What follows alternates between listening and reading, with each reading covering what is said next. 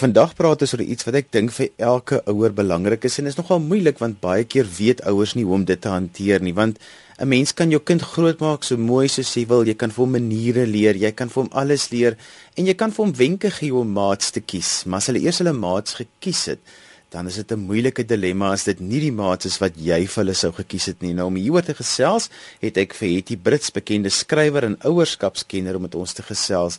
Hetty, welkom terug op Groeipyne. Dankie Johan. Het jy verkeerde maats is maar vir elke ouer seker een van die grootste bekommernisse want net naas ouerskap het maats seker amper die grootste invloed op 'n kind se ontwikkeling. Verseker Johan, daar's ouderdomsfases waarin ons stem na die agtergrond te begin skuif en die stem van die portuïergroep baie sterk word. So die kinders met wie jou kind so baie tyd bestee, het 'n massiewe invloed, jy's heeltemal reg. Het jy kom ons begin ons sê eerste, wat is die gevaartekens as my kind verkeerde maats sit want baie keer kom ek gevaartekens al vroeër selfs voor ek die maats ontmoet het. Ja, Johan, dit is so. Ewe skielik trek 'n mens se kind snaaks aan of jy hoor 'n woordjie wat uitglip wat jy weet beslis nie in jou huis uh, gebruik word nie of jy hoor musiek uit jou kind se kamer waarmee jy nie gelukkig is nie. Daar's baie tekens dat daar 'n ander waardesisteem deel geword het van jou kind se daaglikse bestaan en dit laat mense hare verseker reis. Ek was self ook al daar. My kinders is nou so amper 16. My seun is 13 en my jongste is 8 en by al drie van hulle het ek al partykeer bietjie regop gesit en besef ag 'n bietjie nou praat my kind se sosiale omgewing buite my huis baie hard. En dan is dit baie moeilik want die waardes van jou huis word nou mee gebots en dan wat ook gebeur is is dat jou kind dan baie keer vra vra oor die waardes in jou huis. Seker. Ja, mens kan nou baie lank praat oor oor die hele waarde ding uh, vir my gaan dit daaroor dat 'n mens jou waardes lewe as ouer en dit nie net preek nie en uiteindelik gaan kinders kyk hoe werk waardes in praktyk en vir hulle self die waardes internaliseer en vir hulle self neem as hulle eie waardes wat hulle gesien werk het in die wêreld daar buite. So soms moet ons maar net vasbyt en met ons waardes verder gaan en konsekwent wees en integriteit hê sodat die kinders uiteindelik kan sê, "Joe, hierdie waardes wat ek uitprobeer het was maar tydelik waardes wat vir my gewerk het, maar ek sien my ouers dekades lank met dieselfde waarde lewe en ek sien die vrug daarvan. So hierdie is 'n langtermyn eksperiment, Johan, dis nie 'n korttermyn een nie. Het jy, weet jy, vergelyk altyd die kinders se temperamente so met die boontjies en dit maak dit vir ons luisteraars ook baie makliker om te verstaan. Kom ons praat 'n bietjie oor die verskillende boontjies en die ideale maats, maar dan ook die maats wat die slegste uit hulle sal uitbring. Ja, hulle het nogal interessante unieke patrone van maatskies. Ek gaan nou 'n bietjie by die introverte begin vir verandering. Die denneboom kindertjies is die kinders wat nie graag self besluite neem nie en wat maklik volg en wat nie nodig het om 'n vreeslike groot vriendekring te hê waar hulle in die middelpunt is nie, maar hulle wil regtig graag behoort.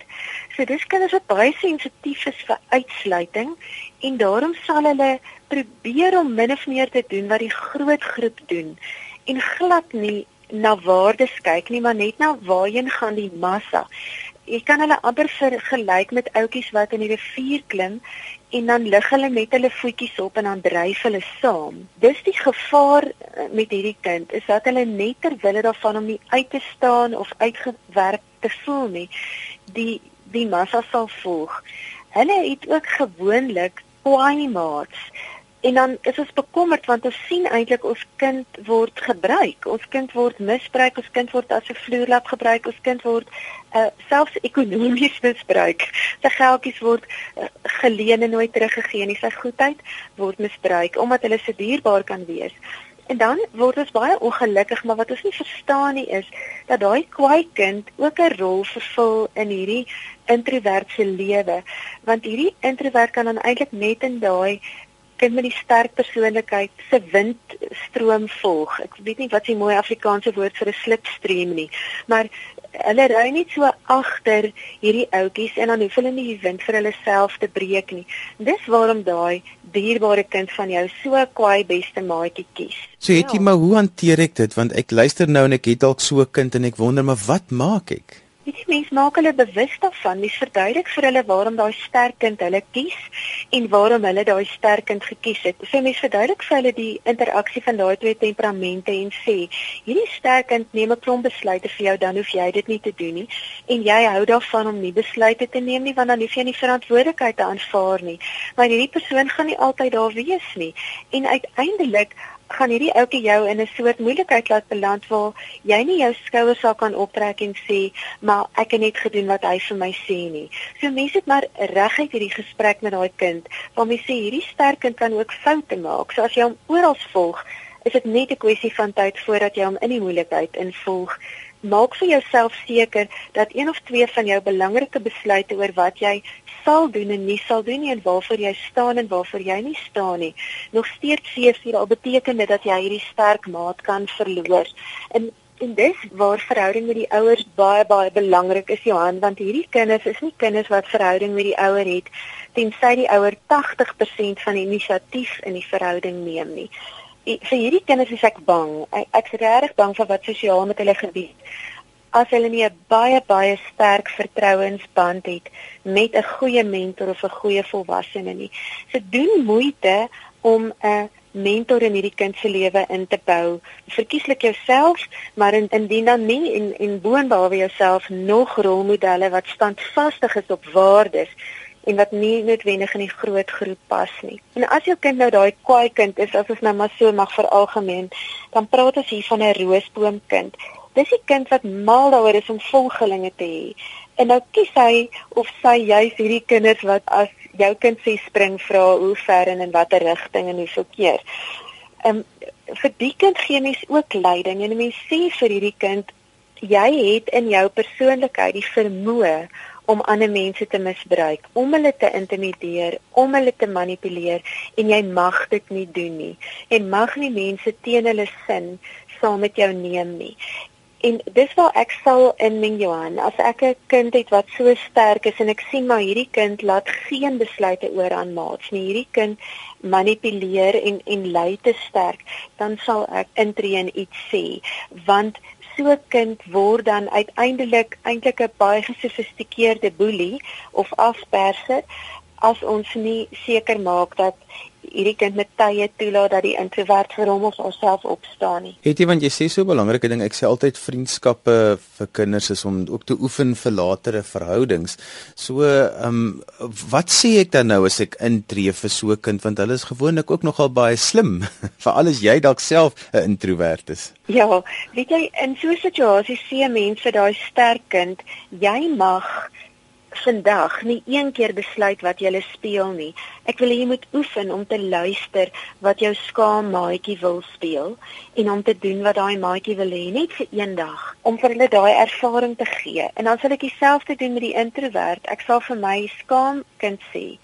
Vandag as ons by jou maatjie gaan speel, wil ek hê moet jy eers besluit wat jy wil speel. En as die maatjie sê nee, kom ons doen wat ek wil doen, dan wil ek hê ons moet nou by die huis al 'n sinnetjie oefen wat jy kan sê wanneer die maatjie dit doen. 'n Sinnetjie soos ons speel altyd wat jy wil, vandag net een keer gaan ons doen wat ek wil speel. Want as hierdie ouetjies nie oefen om grense te trek en vir hulle self op te staan binne in 'n veilige vriendskap waar hulle klaar geliefd is nie.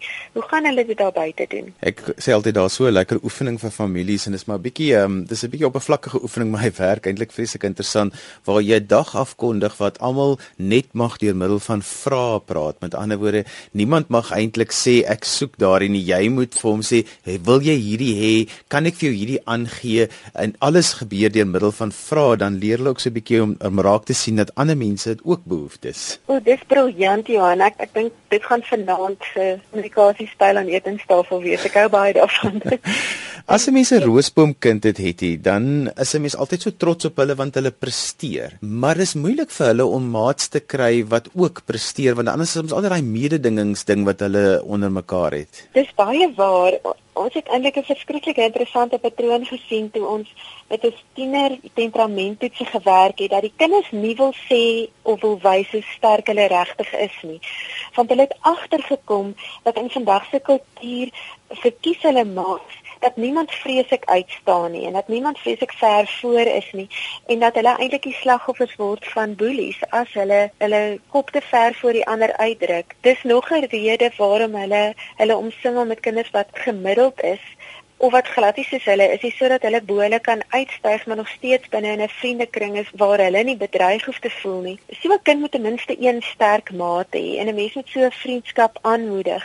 Want om uiteindelik na 'n plek te beweeg waar jy vriende kies op grond van hulle waardes en op grond van gedeelde belangstellings eerder as om iemand te hê wat jy kan beheer of teen wie jy kan kompeteer is is nogal vir my belangrik. Het jy nou um, praat ons van die palmboompies, daai kinders is ja, altyd die moeiliker kinders ek brand om oor hulle te praat want hulle is die ouens wat vriende wil wees met almal en hulle is die ouetjies wat potensieel 'n verskriklike slegte invloed in hulle lewe kan hê en dit nie eers kan besef nie. Hulle raak sommer vriende met iemand oor die skoene wat daai kind dra of die kos wat daai kind skool toe bring of die oulike kar waarin die kind se ouers ry.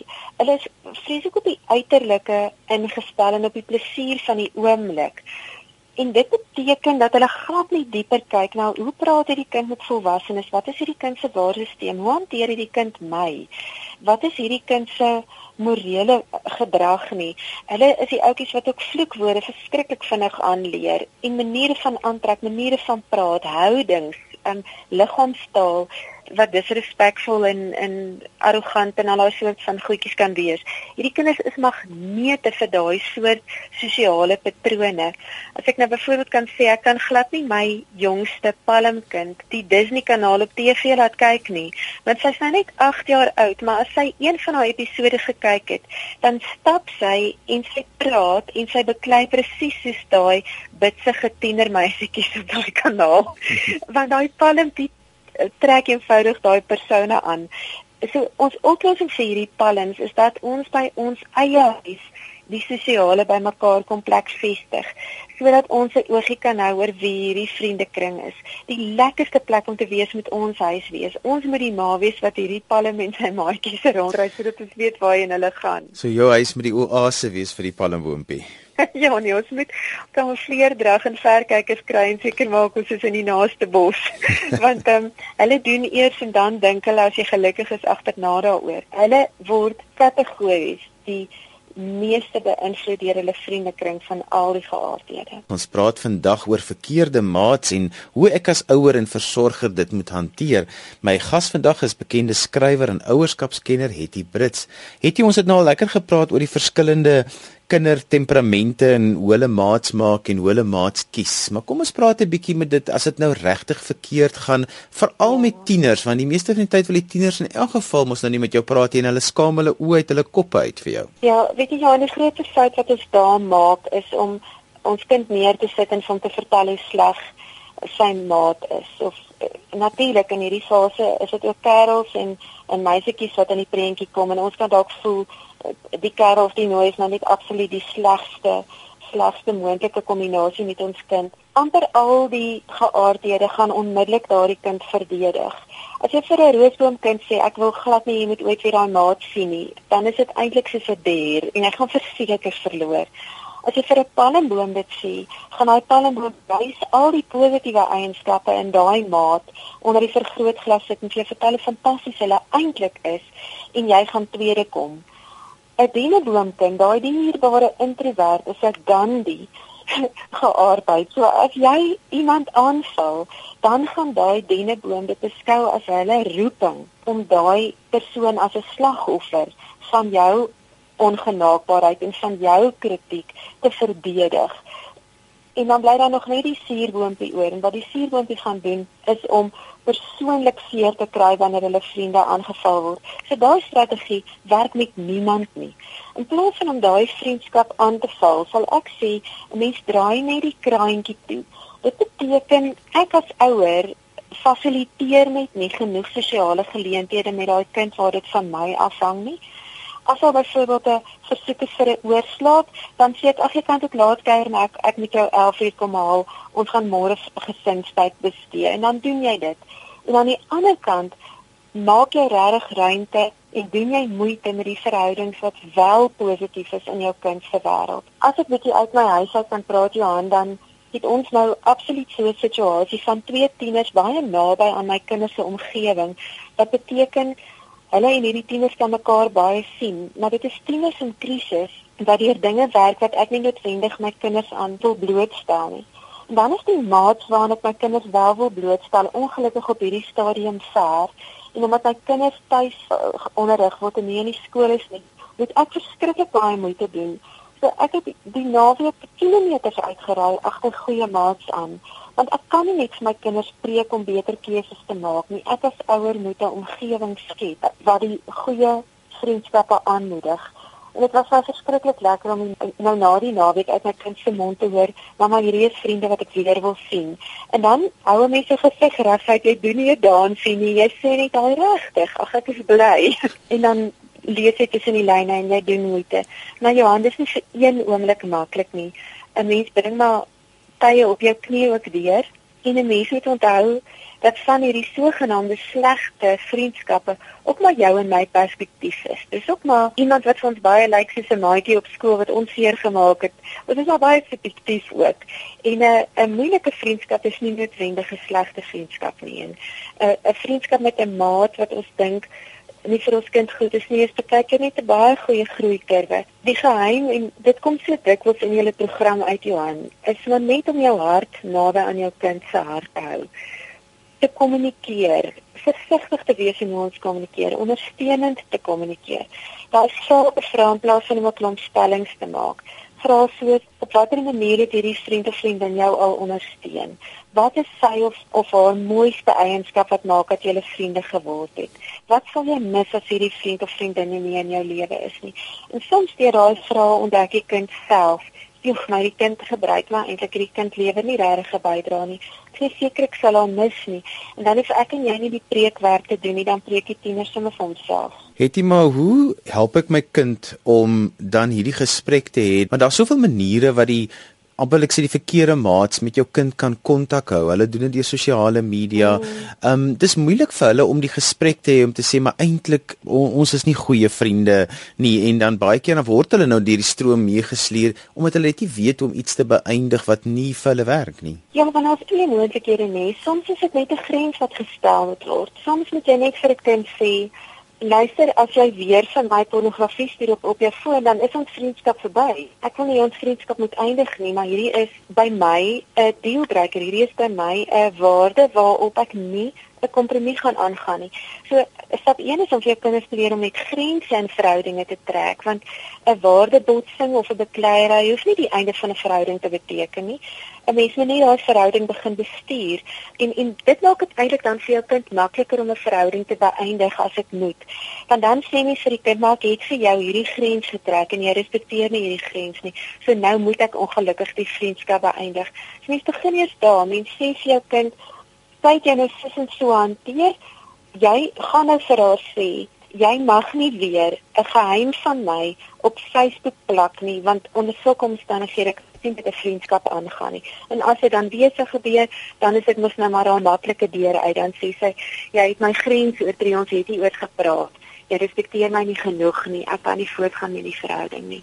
Want dit is so belangrik vir ons kinders om van vroeg af te leer om juis hulle grense te stel want hulle moet dit eendag in toekomstige verhoudings ook kan doen. Ja, jongen is hulle moeilik want my seun het nou die dag gesit saam met sy vriende en daar was iets op die kind se rekenaar wat nie ons verkering wegdra nie, maar sommer nou 'n speletjie nou niks vreeslik wilds nie.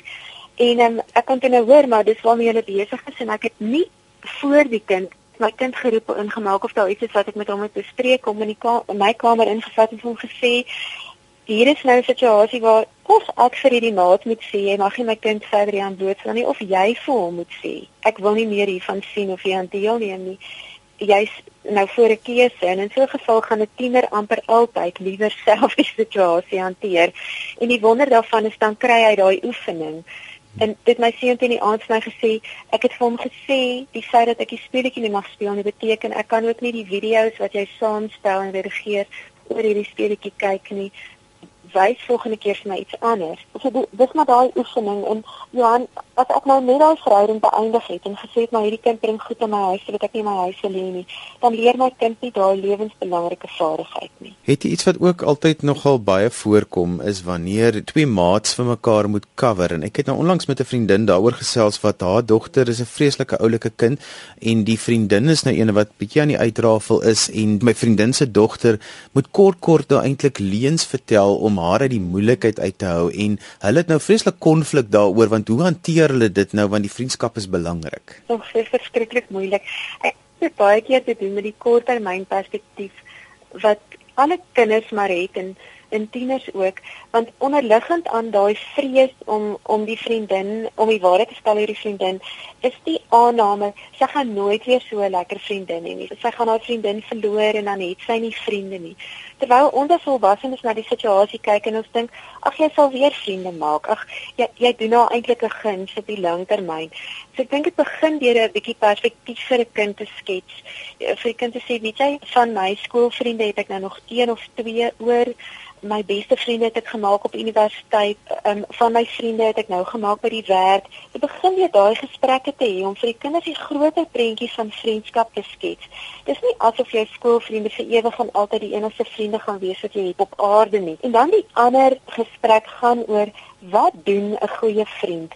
En dan moet ons uit ons eie ervaring die swaar goed vertel wat vriende gedoen het wat uiteindelik in ons belang was. Byvoorbeeld sê as volwassenes uitvind iemand is in 'n buiteegtelike verhouding en hulle is reg vir daardie gesin lief, moet hulle nie dan eintlik vir die man of die vrou daarvan gaan vertel as hulle reg vir hulle omgee nie. En dan die gesprek, jy dink jy die vriendskap gaan dit oorleef.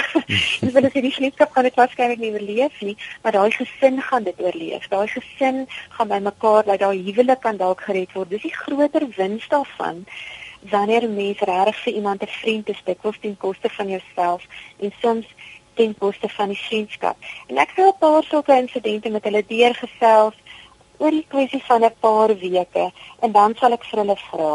Ons het nou 'n bietjie gesels oor vriendskap. Ons het gesels oor wanneer jou vriende ernstige foute begaan.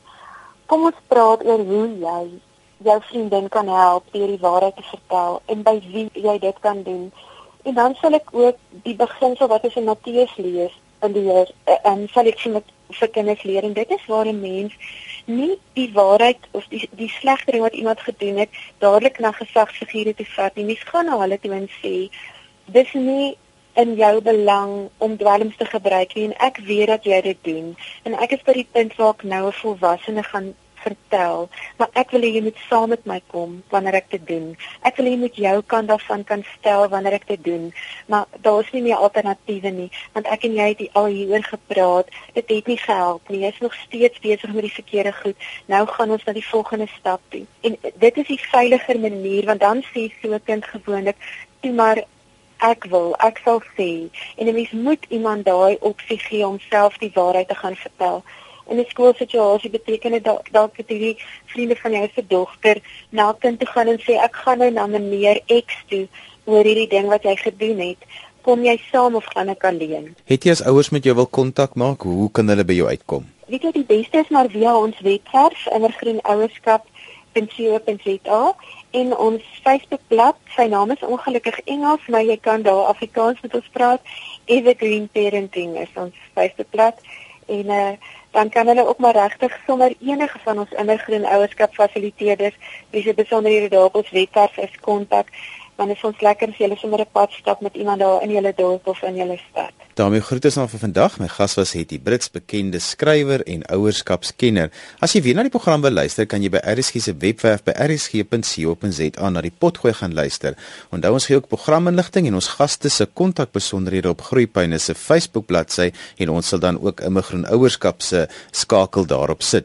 Ons e-posadres is groeipyne@rsg.co.za. daarmee groet ek namens die Groeipyne span in Kaapstad, Liselde Brein ons programregisseur soos gewoonlik. Tot volgende donderdag van my Johan van Lille. Totsiens.